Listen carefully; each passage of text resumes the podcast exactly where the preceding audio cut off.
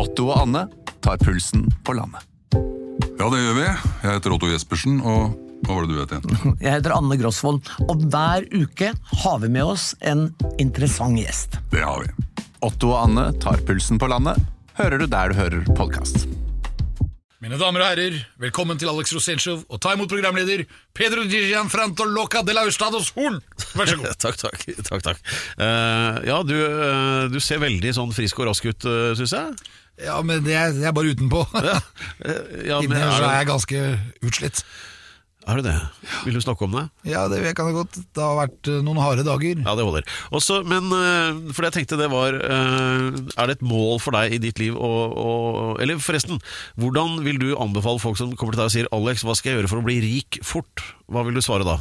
Jeg svarer at eh, det går ikke. Ta, ta deg god tid. Du vinner ikke Lotto hver dag. Ha roen i hjertet. Det er ikke penger som gir deg lykke. Det er en indre fakkel, en glede innenfra, og det er den du må lette etter. Kjærligheten til menneskene, kjærligheten til naturen, og kjærligheten til alle rundt deg, og ikke minst deg selv. Ta vare på deg selv, hold deg formen ved like, og vær nysgjerrig.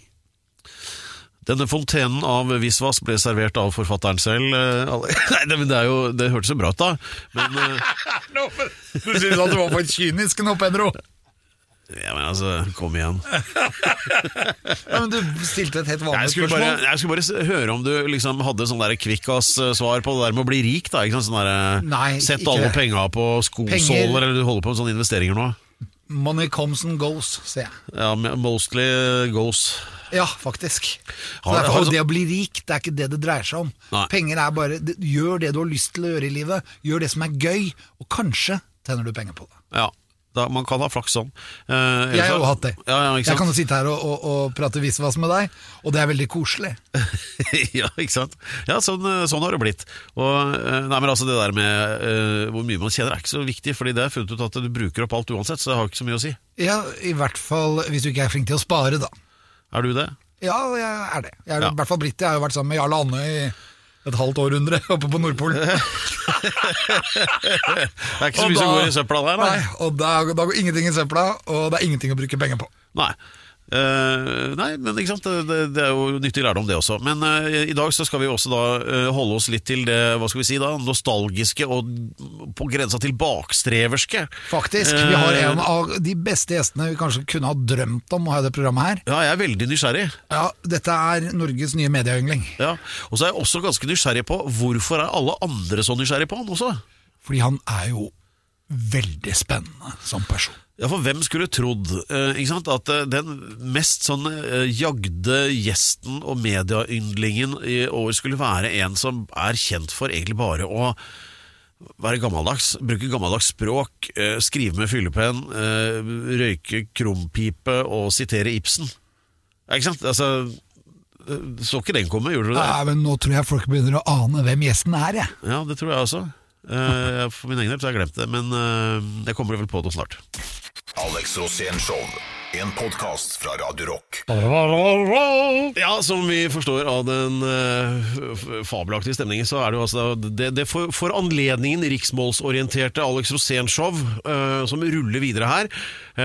Dere som ikke klarte å gjette hvem som er gjesten, kan skamme dere litt, for det er nemlig den som alle de andre tenkte på, som Alex nå skal på heraldisk vis kalle inn og samtidig hylle. Vær så god. Tusen takk.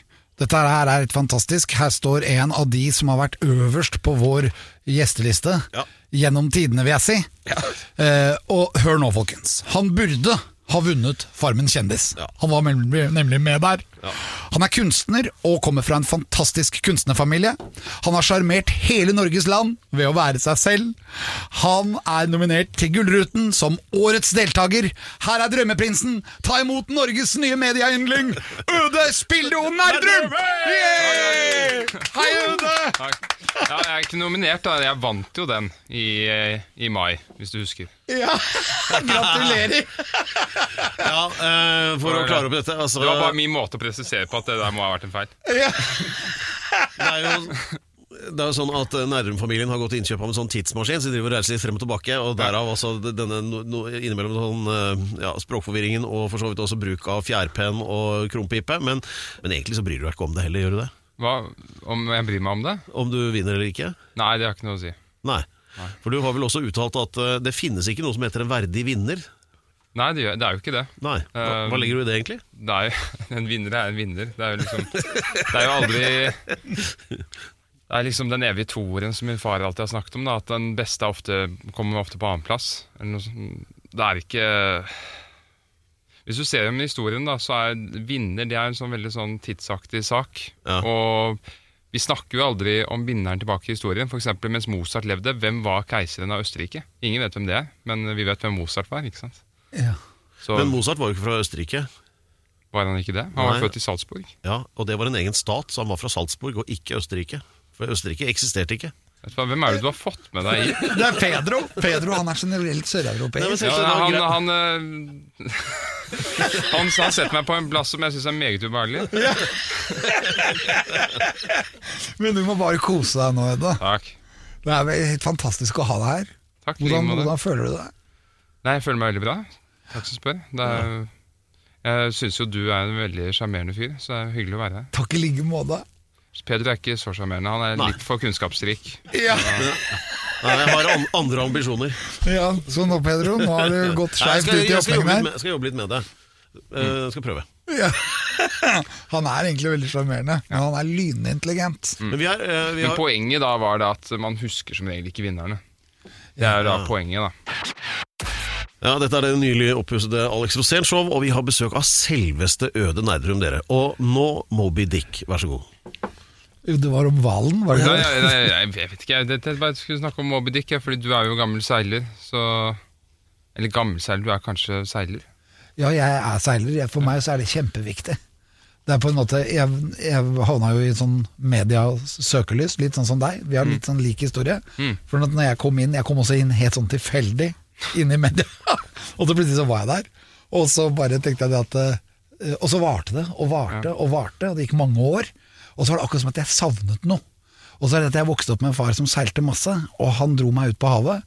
Og når jeg kom meg ut på havet, så, så var jo det en slags lykke, men jeg ante det ikke selv at det var det som var lykken min. Før jeg bare plutselig kjøpte meg en seilbåt igjen til 30 000, en sånn holk Ja. som jeg måtte lappe sammen. Så kom jeg meg ut, og så ble jeg helt rolig. Du ble rolig? Ja, Det var lett, rett og slett en slags lobotomi, altså. ja. Det var det faktisk. Det var akkurat som at lykken var tilbake når jeg fant meg en sånn eh, lagune, kastet ankeret og lå der. Så var jeg plutselig bare Jeg var fornøyd, jeg var kommet fram til et Det må jo være enda mer frihet enn å ha bil. Ja, Så helt at der, det, det, som å ha bil, bare enda mer. Mye mer. For du kan jo dra hvor som helst. Har, seiler du, eller? Nei, jeg gjør jo ikke det. Men jeg har en venn som seiler. Som jeg, jeg har vært med på seiltur med ham før. Og hvor, hvor seilte dere da? Det, var i Adriaterhavet. Wow! Det er jo heftig. Ja, det er jo det. Det er jo hav overalt. Ja. det hadde vært litt heftigere med Atlanterhavet. da. Han har, han har lovet meg Eller han har ikke lovet meg, han har spurt meg vil du ta en jord... eh, jord, jord hva, hva heter det? Seile ut jord. Jordomseiling. Jordomseilas. Eh, en dag, og det har jeg nesten takket ja til. Ja, det bør du. Ja. Har du gjort før? Nei, ikke hele jorden. Jeg har seilet liksom litt her og litt der rundt jorden. Ja, Jeg seilte jo med Jarl Anne helt opp til Nordpolen. stemmer det. Det var jo litt sånn som en jordseilas. Det var sju, sju dager ute i havet. Eller i hvert fall den ene seilasen. Vi var vel borte i åtte måneder. Men det var jo helt insane. Det er eneste gangen jeg faktisk ikke har vasket meg på fem måneder. Det var på den turen. Men man trenger ikke det når det er så kaldt. Nei, Og så er det det at du blir jo selvrensende. Ja, det kommer et punkt hvor man blir selvrensende. Ja. For du får sånn ytterhudfett. Og det gjør at du Du blir nesten som en sel, altså. Ja, helt riktig. Du får ikke sår. Du kan skade deg masse, men du får ikke sår. Utrolig. Men har du seilt For du er jo fra eh, Stavern. Nei, jeg er født i Oslo. Men jeg bor i Stavern. Ja. Hvordan trives du der? Veldig fint. Det er et fantastisk sted. Ja. For der er jo havet. Det slenger jo seg rett inn der. Ja, jeg klarer på en måte ikke å Det er litt vondt å leve et sted hvor man ikke ser havet. Hvor man ikke kan i alle fall ha blikket sitt rettet mot det. Hva forbinder du egentlig med havet? Nei, det er en ø, evig frihet. På en måte. Og de- antikke grekerne trodde jo at hele verden lå på havet. At alt var øer. ikke sant? Så, fordi de er jo omgitt av hav der nede. Så havet er jo et sånt stort mysterium. Si, sier du virkelig øer og ikke øyer? Gjør du det? Ja, ja. Det er så deilig, altså. Men det er, det er riksmål. Altså, du, har, du få, har du bestemt deg for på et tidspunkt at nei, jeg er, snakker riksmål? Ja, jeg bestemte meg for det da jeg var 13 år gammel, eller noe sånt. At, uh, fordi jeg, jeg flyttet til Stavern med min familie, og da der snakker de litt bredt. da det, er Jarle Andøy snakker vel Det er litt biler og sånn- båter og øl Ute og er damer. skulle labbe 60-meteren i gummiperler. Ja, det er sånn. Og jeg prøvde å bli litt som dem, da. Så jeg prøvde å tilpasse sp språket mitt. Og begynte sånn med vors og perler og sånn. Men det er jo sånn ofte når man prøver å bli en del av et samfunn, man prøver litt for hardt, så man blir gjennomskuet. Ja, det er ikke deg. Så jeg, jeg kom meg ikke inn. Jeg ble ikke tatt imot av de innfødte. Så da bestemte jeg meg i stedet for å ta en U-sving. Og gå enda mer i motsatt retning. Så da fikk jeg renere og renere riksmål. Og så på et tidspunkt så var jeg jo Da var det sånn de og dem, unnskyld meg. Eh, kan de vennligst Og da, da var det jo sånn at folk forsto ikke hva jeg sa til slutt. Så, så jeg traff noen, jeg sa dem, så så de seg bak. Hvem er det du snakker til, egentlig? Så jeg har moderert meg litt. Det er jo høflig, da. Ja, så jeg har, jeg har godtatt den, så jeg sier du. Dessverre. Det, Ja, for det er jo litt morsomt, da. Det er jo litt sånn morsomt å uh, Fordi du får jo Det blir jo en måte du kan premiere bekjentskapet med, ikke sant? Vi er dus. Ja. Kan du si kanskje etter fem års bekjentskap. Da er det wow. Mens i dag så har man jo Det moderne mennesket har jo ikke noe, så mange måter å premiere. Og på sånne litt sånn enkle måter, litt sånn um, subtile måter å si vi er mer intime. Vi er mer enn bare bekjente. Vi er venner, liksom. Det er det vel litt lite av i den moderne verden. har du noen gode venner, eller? Om jeg har noen gode venner, Ja. Så hører du de ler. Redaksjonen bak her. Ja, de kan, de kan Ja, jo men- ikke tro det, at jeg har det. ikke sant? Ja. Uh, jo, det har jeg. Jeg har noen veldig gode venner. Fra Stavern, eller? Nei. Uh, jo, jeg har én, Uh, men han er jo opprinnelig fra Asker. Men så har jeg noen veldig gode venner i Oslo også. Det er litt flere mennesker å ta av her. Ja. Så det er en enkelt eh, statistisk forklaring bak det. ja. Men i, i din omgangskrets, er det bare du som holder på dette riksmålet, eller er det en gjeng? Nei, det er ganske mye riksmål. Ja, Altså, så, så, og da sitter dere og konverserer og, og, Ja, vi har sånne T-selskaper med lillefingeren ut sånn. og Ja, jeg tror på det hvis du sier det. siterer Altså. Schopenhauer og Ja. Selvfølgelig. Liv er en lidelse. Men, er, er det, men blir du møtt med sånne holdninger som at, at um, Tror folk da at du er litt sånn hoverende ved at du sant, gjør deg selv finere med det språket? Det, blir du tolket sånn? Føler du, eller eh, Jeg vet ikke. Nei. Jeg, jeg, Men, opplever eller- du det som, herr Øh, nei, jeg vet ikke. Jeg ikke, driver ikke med så mye analyse. Svaret ligger i eh, spørsmålet, vet du. Gjør det det? Ja, hva er Hvilke spørsmål folk stiller, sier veldig mye om dem. Jaha. Du derimot liker å analysere, tydeligvis. da Ja, jeg elsker det. Ja. Jeg elsker å dytte Altså snu på stener og Ja. Det er litt av kunstens vesen òg. Nei, det vet jeg ikke, men, men jeg elsker for så vidt å, å forstå hva ting betyr og innebærer, og forstå hvorfor, vi, hvorfor er vi her i dag i historien. Hva er det som skjedde i fortiden som gjør at vi er her? Sånne ting. Det å bare gå rundt og spise iskrem og nyte livet, det har jeg aldri klart. Nei, men det anbefaler jeg. Det kan du anbefale? Ja, det er Du ikke ser jo at i han, han det. livet, da. Ja, jeg ser jo det. Eh, Så har jeg et spørsmål. da det ligger, eh, Svaret ligger i spørsmålet. og Dette er så bra at jeg måtte skrive det opp så jeg husket det riktig. Eh, Hvordan kan du forsvare som eh, kredibel kunstner og riksmålsutøver at samtidig som at du erklærer at eh, badestamp er harry, er det plutselig greit å delta i Farmen kjendis? Ja, så det, nå må du også huske på at Da jeg sa det, så sa jeg jo at jeg selv er litt harry. Så der har du egentlig svar på det spørsmålet. Ja. For egentlig, altså det er jo, altså En av riksmålsutøverne, Bjørnson for eksempel, var ganske harry. Eh, Har du sett de kinnskjegga hans, eller Alex? Ja. Det er jeg hypp på. Sånne, altså. Ja, da hadde du sett lur ut! Det er sånn at ja, men Jeg mener det. Det var bra stil, da. Ja. Men han var jo litt sånn derre Eller hva syns du om Bjørnson? Bjørnson? Ja. Nei, han er jo litt sånn i mitt miljø. Jeg er jo Jeg kjenner jo veldig mange som driver med litteratur også. ja. Fordi jeg er jo også veldig litteraturinteressert. Og i mitt miljø så er jo Bjørnson en sånn Jeg vet ikke, Han er jo en sånn fyr vi liker å gjøre narr av. ja litt sånn showpony. Ja, fordi han var så veldig nasjonalistisk og veldig selvgod, da. Og nå har ikke jeg lest så mye av Bjørnson, men Ibsen er jo den store psykologen. Ja. Mens Bjørnson var liksom hans Han var mer opptatt av det nasjonale prosjektet. ja. Virker som om Bjørnson også var Eh, veldig begeistra for Bjørnson. Hva? Bjørnson var veldig begeistret for Bjørnson. Ja, han var virker det. Ja. Veldig. så det var, jo, det var jo en sånn scene med de fire store som, uh, som det er blitt snakket om, da. Hvor det er vel Jonas Lie som sier det, da, mens de alle er der, at hallo, dere, vi må innrømme at det er bare en av oss som virkelig er stor. Og da står Bjørnson opp sånn, ja. men, eh, men det var jo Ibsen han snakket om, da. Ja. Er du enig i dette, Alex? Ja, jeg kan være enig. Jeg er enig. Ok. I- Ibsen var jo beviselig den største, for han var den ene av de, eneste av de som måtte flykte ut av landet. Eh, Ja, Måtte han det? Eh, han måtte det, for han hadde ikke råd til å betale eh, barnebidrag lenger. Oh ja, sånn der, Hadde du fått så mange barn? Nei, det var bare ett. Ja, men det var veldig Det kan være vanskelig nok, det, eh, Alex. ja det kan det. Jeg vet ikke om du har erfaring med det? Jo, jeg har to barn. Ja, ok. De skal bli gangstere, da. Så det. Ja, ok. Da, da får du tilbake. Men, du, du Men jeg tror vi skal eh, runde av, Pedro. Ja, vi, vi- vi skal snart videre. Skal jeg ikke ta med det der da du stakk av fra offentlige regninger i, i seilbåt til Nordpolen? For det også er en mulighet. Ja, Ja, vi, kan ta, vi kan ta det en annen gang. Det er jo det som er bra med seiling. Det er Ja. mulig å stikke av. Ja, det er jo det. Alex Rosén Show podkast. Ja, her sitter vi og kan ikke annet. Det er Alex Rosénshow, og eh, vi har besøk av selveste Øde Nerdrum.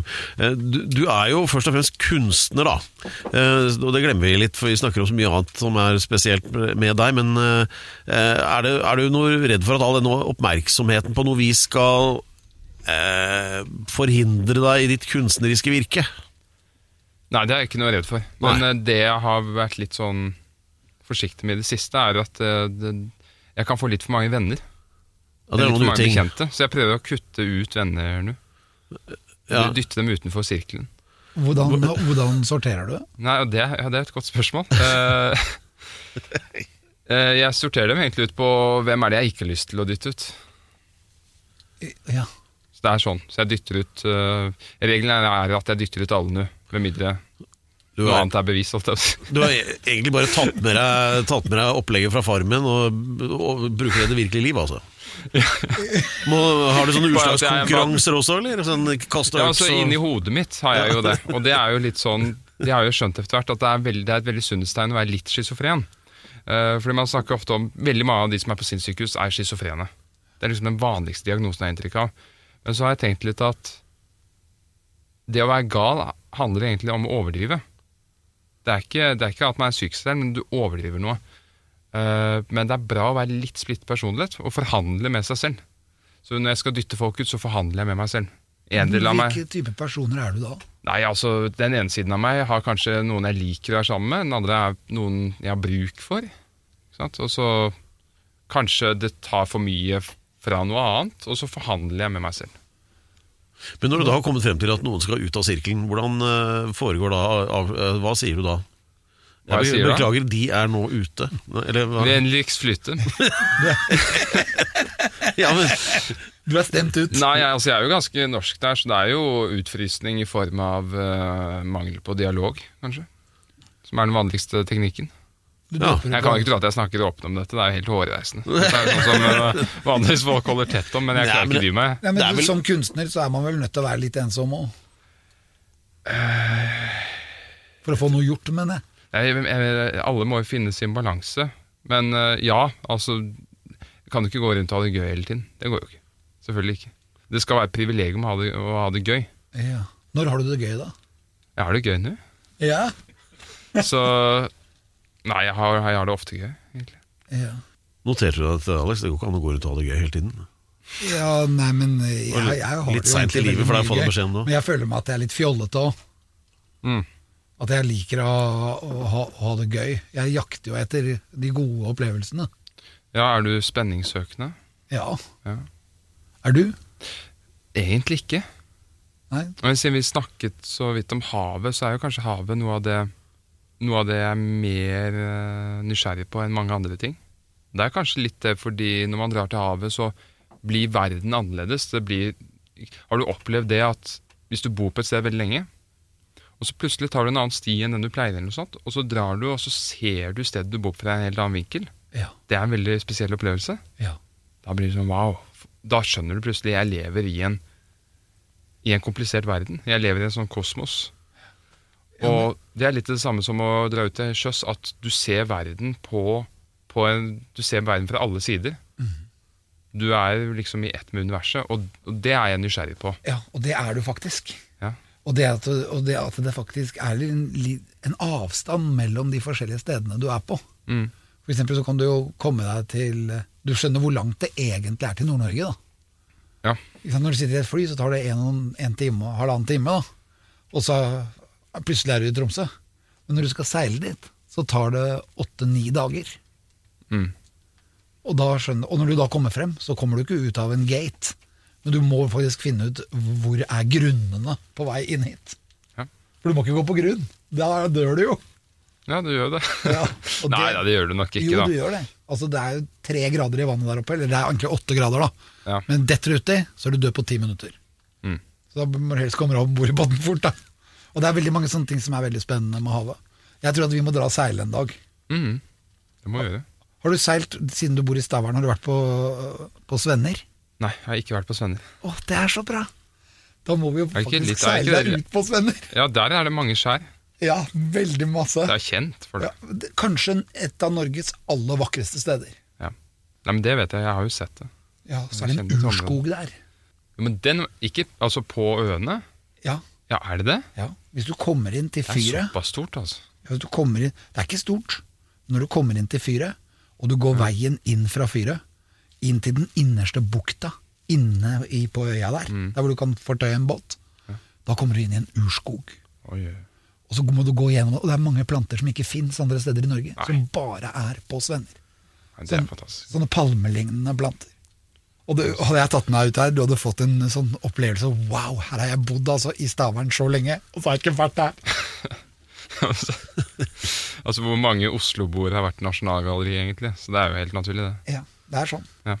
Ja, ja de, det var i hvert fall noen der som var og rappa det skrikballeriet. Men uh, dette her høres vakkert ut av to menn som forbrødre som skal ut og seile sammen. Og alt sammen, og det betyr jo egentlig da at en av dere som er uh, nåværende venn med Øde, må forberede seg på et avslag ganske snart. For at alle skal få plass, altså. Pedro, våkne opp. Ja, hei.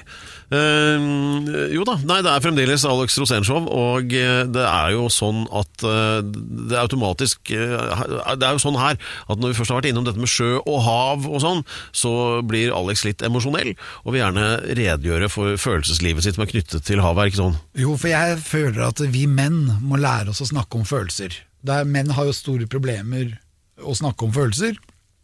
Og da tenker jeg at jeg har ikke det, for jeg har masse følelser inni meg, men Pedro har det. Og Pedro, Han har problemer med å snakke om følelser. ja, han vil ikke snakke om følelser. Nei. Om dette, jeg prøver å forklare deg hele tiden at jeg vil ikke snakke med deg om det, er det jeg sier. Ja. Ok, så. Du er utenfor sirkelen, altså. Ja, Ja, jeg er utenfor sirkelen. I hvert fall den sirkelen der. Jeg har, fem sånne sirkler, akkurat som OL. Ja. Men eh, eh, igjen, da, om følelser. Mm. Uh, hvordan forhold har du til følelser? Oi, oi. Og menn og følelser, kanskje spesielt? Vet du hva, det, det har jeg ikke så mye forhold til, annet enn at følelser er jo Det er jo på en måte altså Som Aristoteles sier om metafysikk, det er førstefilosofi, kaller han det. Fordi før, før man kan begynne å snakke om objektivt om verden, så må man vite hvor man kommer fra. Så alle kommer fra et sted.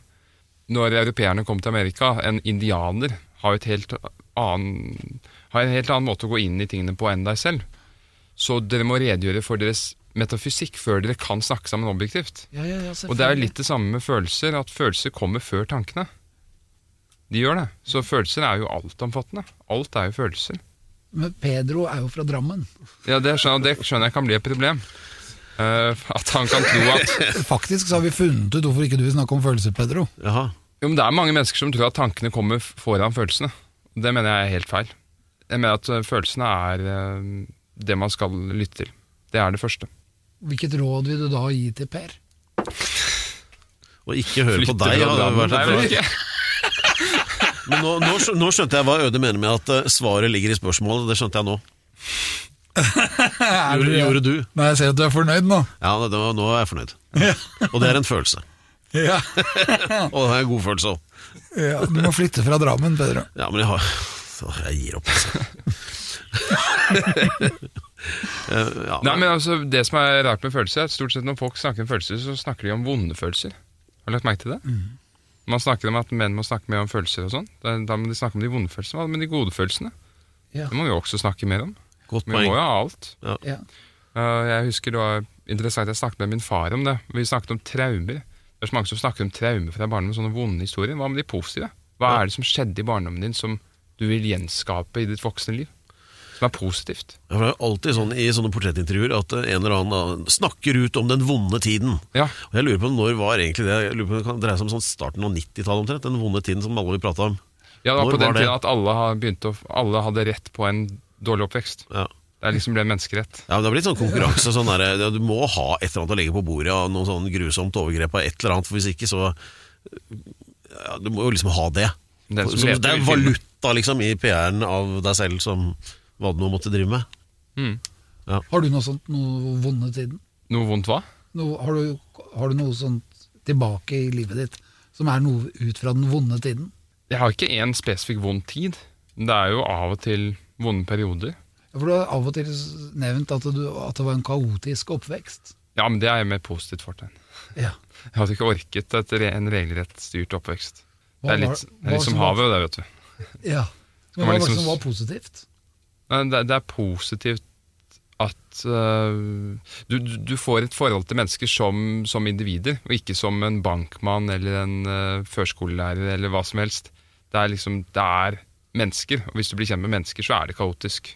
Uh, fordi vi, vi gjør livet veldig Vi definerer mennesker i veldig stor grad ut fra deres klasse eller deres yrker og sånn, og da virker de veldig enkle. Men hvis du blir ordentlig kjent med dem, så vil du se at det er, det er kaotisk. Så, så sånn sett. Jeg, oppveksten min var veldig mye på menneskenivå. Det var ikke klassestyrt. Var det mange mennesker? Mange mennesker. Og min far hadde jo mange elever, ikke sant. Så, og veldig mange av de elevene var unge, ofte, ofte dypt deprimerte mennesker, egentlig, for å si det rett frem. Så det, det var jo litt av hvert. Men du var ikke deprimert? Som barn? Nei. Ja, Eller nå, da? Nei, jeg er ikke deprimert som du. Jeg har jo noen tunge perioder. Noe med tungsinn. Men uh, Hvor kommer det fra? hvor det kommer fra? Jeg vet ikke. Hvor kommer ditt tungsinn fra, Alex? Jeg tror det er en slags reaksjon på alt det gode. At for at jeg skal ha det gøy og moro. Bjørnstjerne Bjørnson, Ja, hver glede ha- du har på jord betales med sorger. Ja. men det gjør det likt. Ja, det gjør jo det. Det er sånn Desto gladere jeg er, desto bedre liker jeg følelsen av å være lei meg. Det er prisen man må betale for å være glad. Det er jo det. Ja, det finnes veldig mange mennesker som ikke har det problemet som er på midten. ja Og det er litt lunkent. De har det så deilig. Tror du det? Jeg tror det. Tror du ikke de har det kjedelig? Jo, men for, det er jo deilig for dem, men den eneste grunnen til at du syns det er kjedelig, er jo fordi du vet at det finnes noe annet. Inntil man vet det, så kjeder man seg jo ikke. Nå sitter jeg bare og venter på at dere skal begynne med disse fire kroppsvæskene og gamle grekere og sangvinikere og alt mulig sånne analysemodeller. Ja. ja, du er med på det, ja? Ja, absolutt. Eh, da var det jo de siste jeg snakket om nå, var vel disse flegmatikerne, da. Ja, Er det de som er fra Belgia? Nei, det er fl fl Det flamlendere. var det. Det er Drammen som slår inn her! det, det flegmatiske temperament, det er jo sånn rolig og Det er liksom byråkrattemperamentet, da. Ja. Man er rolig og avslappet og Besinnet. Ja, besinnet, for man har, man har ikke noe. Og kolerisk er jo fullstendig motsatt. Da er man voldsom og æh, temperatur og Sangvinske, det er jo sånn uh, klatremus. Springer rundt og leker litt her og leker litt der og morer seg. Så den siste er selvfølgelig melankolsk. Ja. Hvor er du hen? Vet du hva, jeg har det, Og det, det, det er avhengig veldig av hvem du spør, ikke sant. Eh, Noen mennesker sier at jeg er en sangviner. Som går rundt og morer meg her Det er og der som en klatremus. To av elementene i piker, vin og sang, da. pikevin og sang, Ja, det, sang, ja, det er to av dem. Sang, vin ja, ikke, ikke piker. Du unner meg ikke den? Eh, Jo, absolutt. Vær så god. Ja. Men eh, ingen er vel å være én av disse gruppene heller. De fleste er vel liksom satt sammen av Ja. Ja. eh, Jeg pleier å si at man er satt sammen med to av dem. Men som sagt, noen sier at jeg er en sangviner, men så fikk jeg jo høre fra Harald Eia og Nils Brenna at jeg var en melankoliker. Klar melankoliker, mente de. Oi. Ja, Det er bedre enn alkoholiker, i hvert fall. Om at jeg er alkoholiker? Nei, Nei, det var bedre. Melankoliker er bedre. enn alkoholiker. Bedre. Selv om det, de to er jo ikke gjensidig utelukkende heller. Ja, men der har vi et problem, for man kan være gladalkoholiker, men man kan ikke være gladmelankoliker. Nei. Det, det tenkte du ikke over, Pedro. Nei, der, nå står jeg bom fast. Dette er Alex Rosénshow. Alex Rosénshow, En podkast fra Radio Rock. Dette er Alex eh, Rosénshow og avdelingen for eh, korte og greie redegjørelser, eh, som f.eks. i dette tilfellet da, dagens eh, hovedgjest eh, eh, Øde Nerdrum, eh, som nå alle vet hvem er, og som alle river og sliter i og vil ha en liten bit av. Og, eh, men for ikke lenge siden så drev du jo en ganske anonym tilværelse med din kunst og hva du nå holdt på med, og plutselig så er du der du er nå. Og øh, hvordan henger egentlig det her sammen? Jeg vet egentlig ikke helt. Ja. Plutselig så er det bare all over the place. Ja, nei, jeg, Var det, er det noe du aktivt har oppsøkt? nei, jeg, jeg, har ikke, jeg, Hva skjedde da? jeg har ikke det. nei, nei, det var jo bare det at jeg ble kontaktet og spurte om jeg kunne være med på det. Fordi jeg var jo liksom litt, uh, litt ute i mediene. Og så, og så tror jeg at det er veldig mange For å si det på en litt arrogant måte, da. Det er mange um, litt halvkjedelige mennesker i norsk offentlighet. De det Er mange trenger- helkjedelige også? ja, det er, du, sier, du kan si det.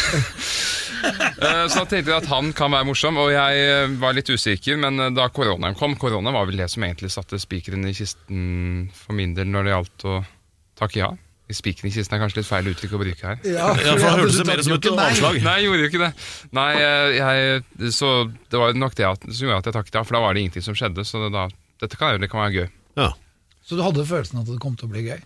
Ja, selvfølgelig hadde jeg det. Ja. Ble du skremt på noen måte, eller? Eh, Jeg må innrømme at de dagene før vi begynte, det var litt, det, det var litt skremmende. Med et hotellopphold og all hemmelighetshold, hemmelighetsholdelse. Det var jo nesten som om jeg var en meksikaner som skulle smugles inn i USA. Det var jo den følelsen jeg fikk. Men det er jo, altså, konseptet er jo egentlig å sperre inn noen mennesker da, på en gård med, med bare hjelpemidler som er 100 år gamle osv. Og, og, uh, egentlig så er det jo en sånn eh, widescreen-tilpasset Fluenes herre-greie. Uh, Ja. og uh, Syns du det var interessant? Altså, Lærte du noe om deg selv eller andre? Ja, det var veldig interessant. Jeg var jo med på et eksperiment. Ja, Selv- ja for det er jo det. Mange andre har vært med på det, men det er jo Stamford Prison Experiment på nytt, på en måte. I norsk sånn Tine sjokoladelandskap. Freia er det. Freier. Ja. øh... Så jeg, jeg vet ikke, Det er så vanskelig å si hva om jeg lærte å liste opp hva jeg lærte. Men ja, hva føler du for å trekke fram? Altså, om deg selv, da, primært. Eller om TV-faget? En ting jeg lærte, er jo at folk, har en, folk kan veldig lett få en feilaktig oppfatning av meg og tro at jeg er veldig enestående. Så det lærte jeg. Ja, Men er det feil? Ja, det er jo feil. Det er jo mange mennesker som er mye mer enestående enn meg. Ja, det er det. Det er jo hyggelig... Det er ikke så veldig mange, vil jeg si, da. jo, du har, Se på meg, da. Du er jo veldig enestående, du også. Ja, men Du er jo enestående. Du, du, var, du var jo bare én øde. På, Ja, veldig glad at du sier det. Men øh, nei, jeg, hva jeg lærte jeg, Det er så lenge siden det skjedde, vet du. Så det jeg lærte, er på en måte blitt Ingrid og Dima er blitt en del av meg siden sist. Så det blir så vanskelig å snakke om. Ja. Du lærte vel sikkert at uh, de fleste er ikke så vant til at uh, når man skal omtale hesjing, så er ikke Ovid-referanser det vanligste? Eller? Nei, det, altså, det vet ikke jeg. Det er helt naturlig for meg. vet du. Jeg? Ja. Jeg sa jo bare det til disse kameramennene, og de var veldig fornøyde.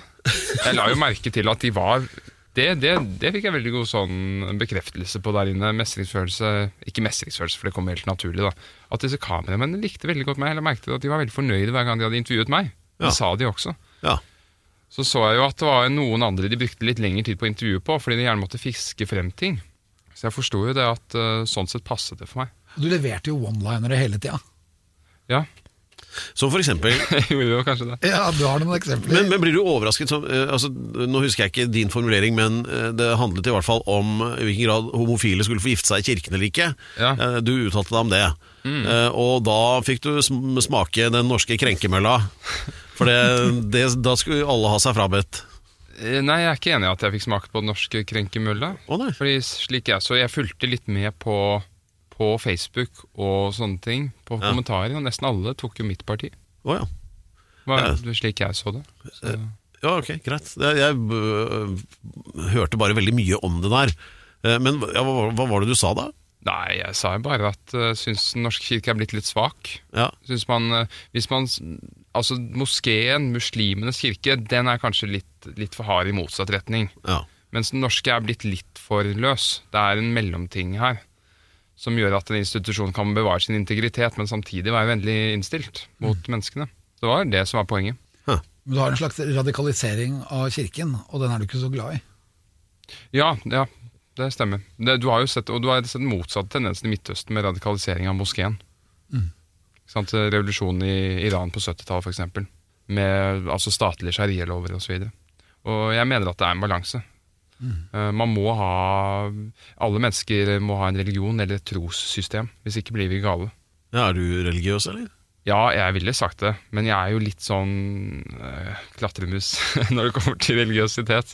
Jeg spretter litt hit og dit, og kan finne glede i like mye et sitat fra Bibelen som i, fra de greske mytene eller fra norrøn mytologi. Jo, jo, men det er jo ikke noe sånn Det er jo som å være gravid, enten så er du det eller ikke. Tror du eller tror du ikke? ikke sant? Nei, men Unnskyld meg, er det så enkelt? Ja.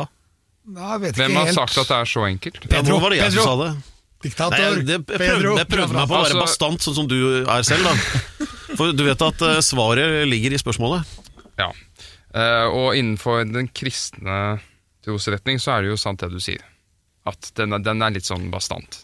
Du tror eller ikke. Hvis du ikke tror, så faller du gjennom vannet. Sånn som Peter. Så det er jo litt sånn. Ja, er, det, er det en gud der som har eh, med viten og vilje skapt eh, dette her, og også og, og, etc., eller eh, har det bare skjedd av seg selv? Altså, jeg, jeg vet ikke, jeg har ikke så mye forhold til Gammeltestamentet, egentlig. Gammeltestamentet er jo et sånt fundament for Jesus. Og det interessante med Gammeltestamentet er jo at Gud er slem. Han er ikke bare snill. Det er jo veldig interessant, da. Han straffer òg. Ja, ja, jeg er en hevngjerrig gud, sier han.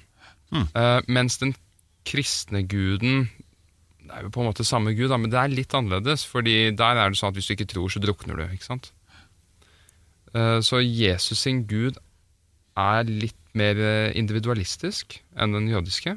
Den jødiske er litt en sånn omnipotent gud. Som styrer hele verden, som straffer deg efter behag og tjener deg. Mens den kristne gud det handler litt mer om din egen lykke. Du skal ofre dine eiendeler, ikke fordi du skal hjelpe de fattige, fordi som Jesus sier, de fattige vil alltid være her. Men for at du selv skal finne en frihetsfølelse. Eller så er det den sånn katolske guden, du skal ofre dine eiendeler sånn at vi har noe å putte i kjelleren i Vatikanet. Er, er det Ja, sånn, det er jo som, eh, De skal jo berike seg selv, da, ikke sant? Og hvis du nekter, så har vi jo noe som heter inkvisisjonen. Ja, men det er jo derfor jeg liker den russisk-ortodokse kirken bedre. da De som brøt med kirken i Rom. Ja. Fordi de aksepterte ikke pavens uh, makt. Ve- ve- Det er mye mer interessant, mye mer interessant den ortodokse kirken. Og de har jo, oi, unnskyld, og de har jo en eh, ikontradisjon også. Maleritradisjon. Ja, i, i, ja. i Russland, ja. Masse. Ja, ikke sant? I Russland vet du, alle har jo, går, de går, når de skal ut i krig, går rundt med et sånn ikon rundt som i et kjede. ja. Det jeg har hørt er, det som kan være smart, er å reise rundt på landsbygda i Russland og kjøpe opp sånne gamle ikoner, for de er mye verdt på Og det er sånn. mange Ja, av de noen av de. Du må, ha et øye, du må ha et øye for å se hva som er godt og dårlig. Ja. Ikke bare har de ikoner, de har jo også skjelettene til gam- de gamle prestene. Mm. Så De bærer jo dem også ut når det er jul. Så er det ute og slå med beina til den gamle presten. Jeg gikk etter en sånn kar oppe i Solovetskij, oppe i Kvitsjøen. Oi. Ja, Da tok vi ut hele, hele presten, og alle fikk hvert sitt bein. Og så Oi, måtte oi. vi slå dem sammen, da mens vi gikk etter han andre presten. Fantastisk. Ja, det, var, Ja, Russland er et fascinerende land. Ja, det er det, altså. Det er det, og det er veldig leit at vi politisk pga. USA sine egne strategier har distansert oss fra det som er geografisk mye nærmere oss.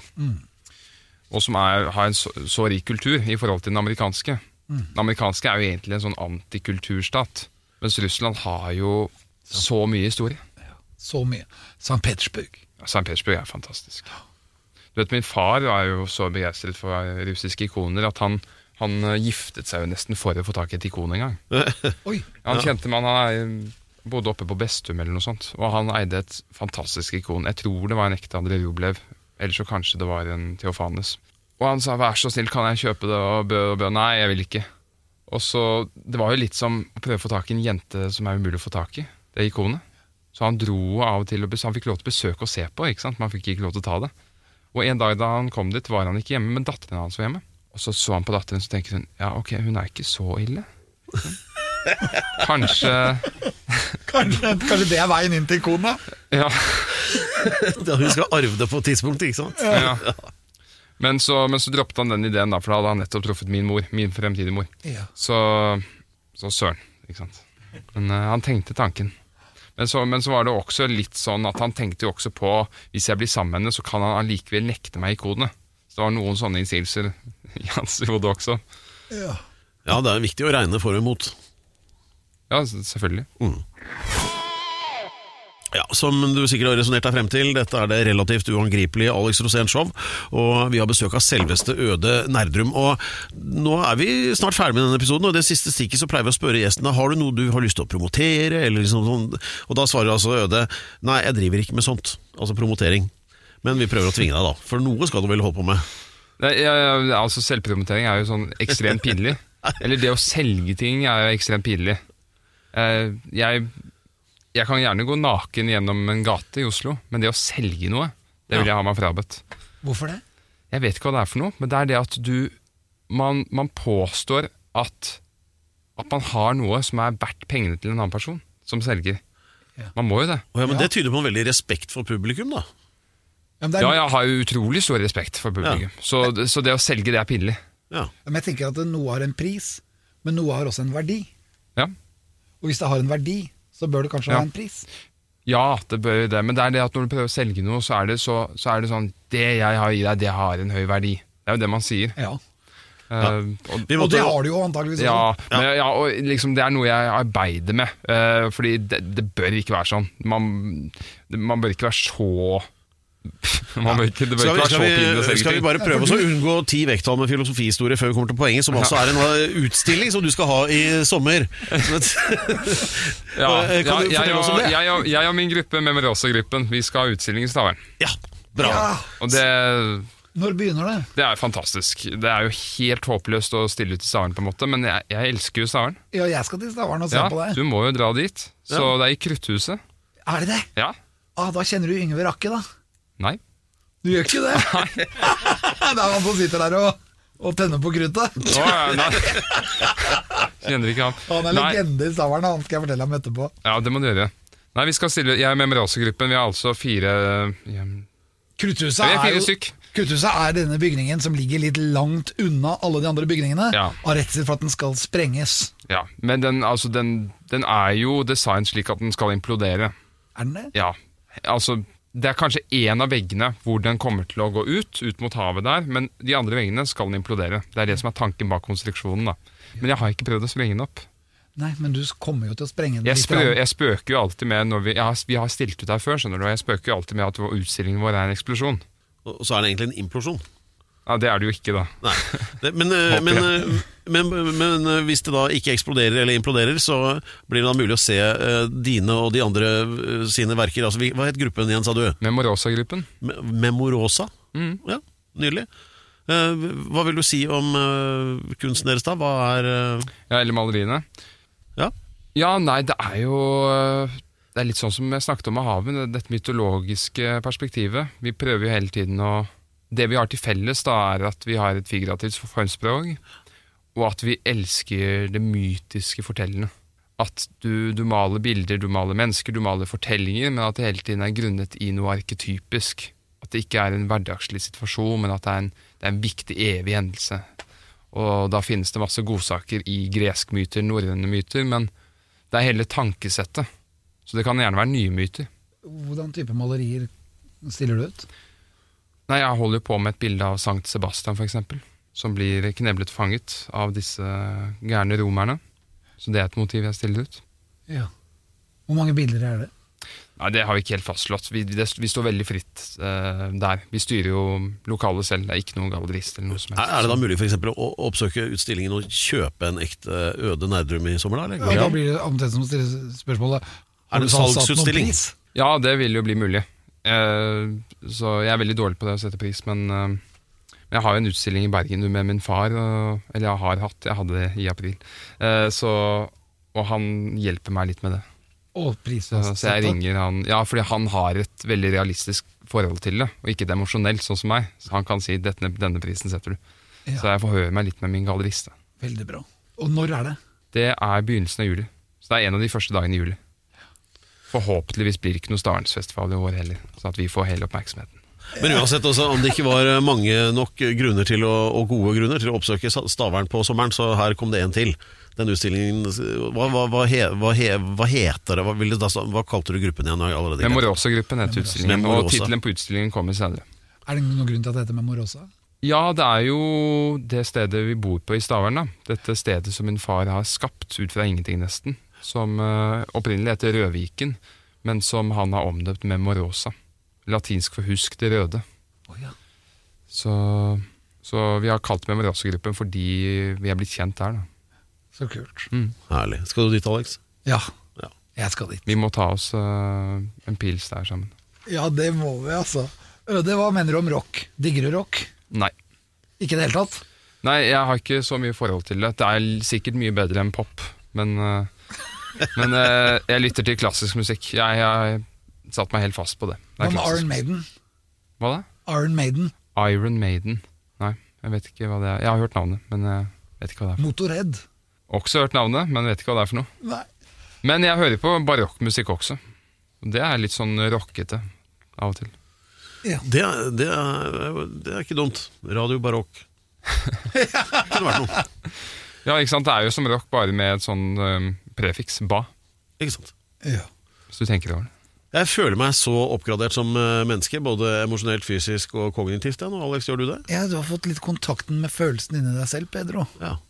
Håper det. ja. Takket være dagens gjest. Men det er du som skal fremføre takksigelsene, Alex. Det er din jobb. Yes, jeg, da vil jeg takke selvfølgelig Lance for fantastisk research. Og en utrolig bra gjennomgang av Øde og ditt liv, Øde. Tusen takk, Alex. Eh, Jeg vil også takke Remi bak spakene.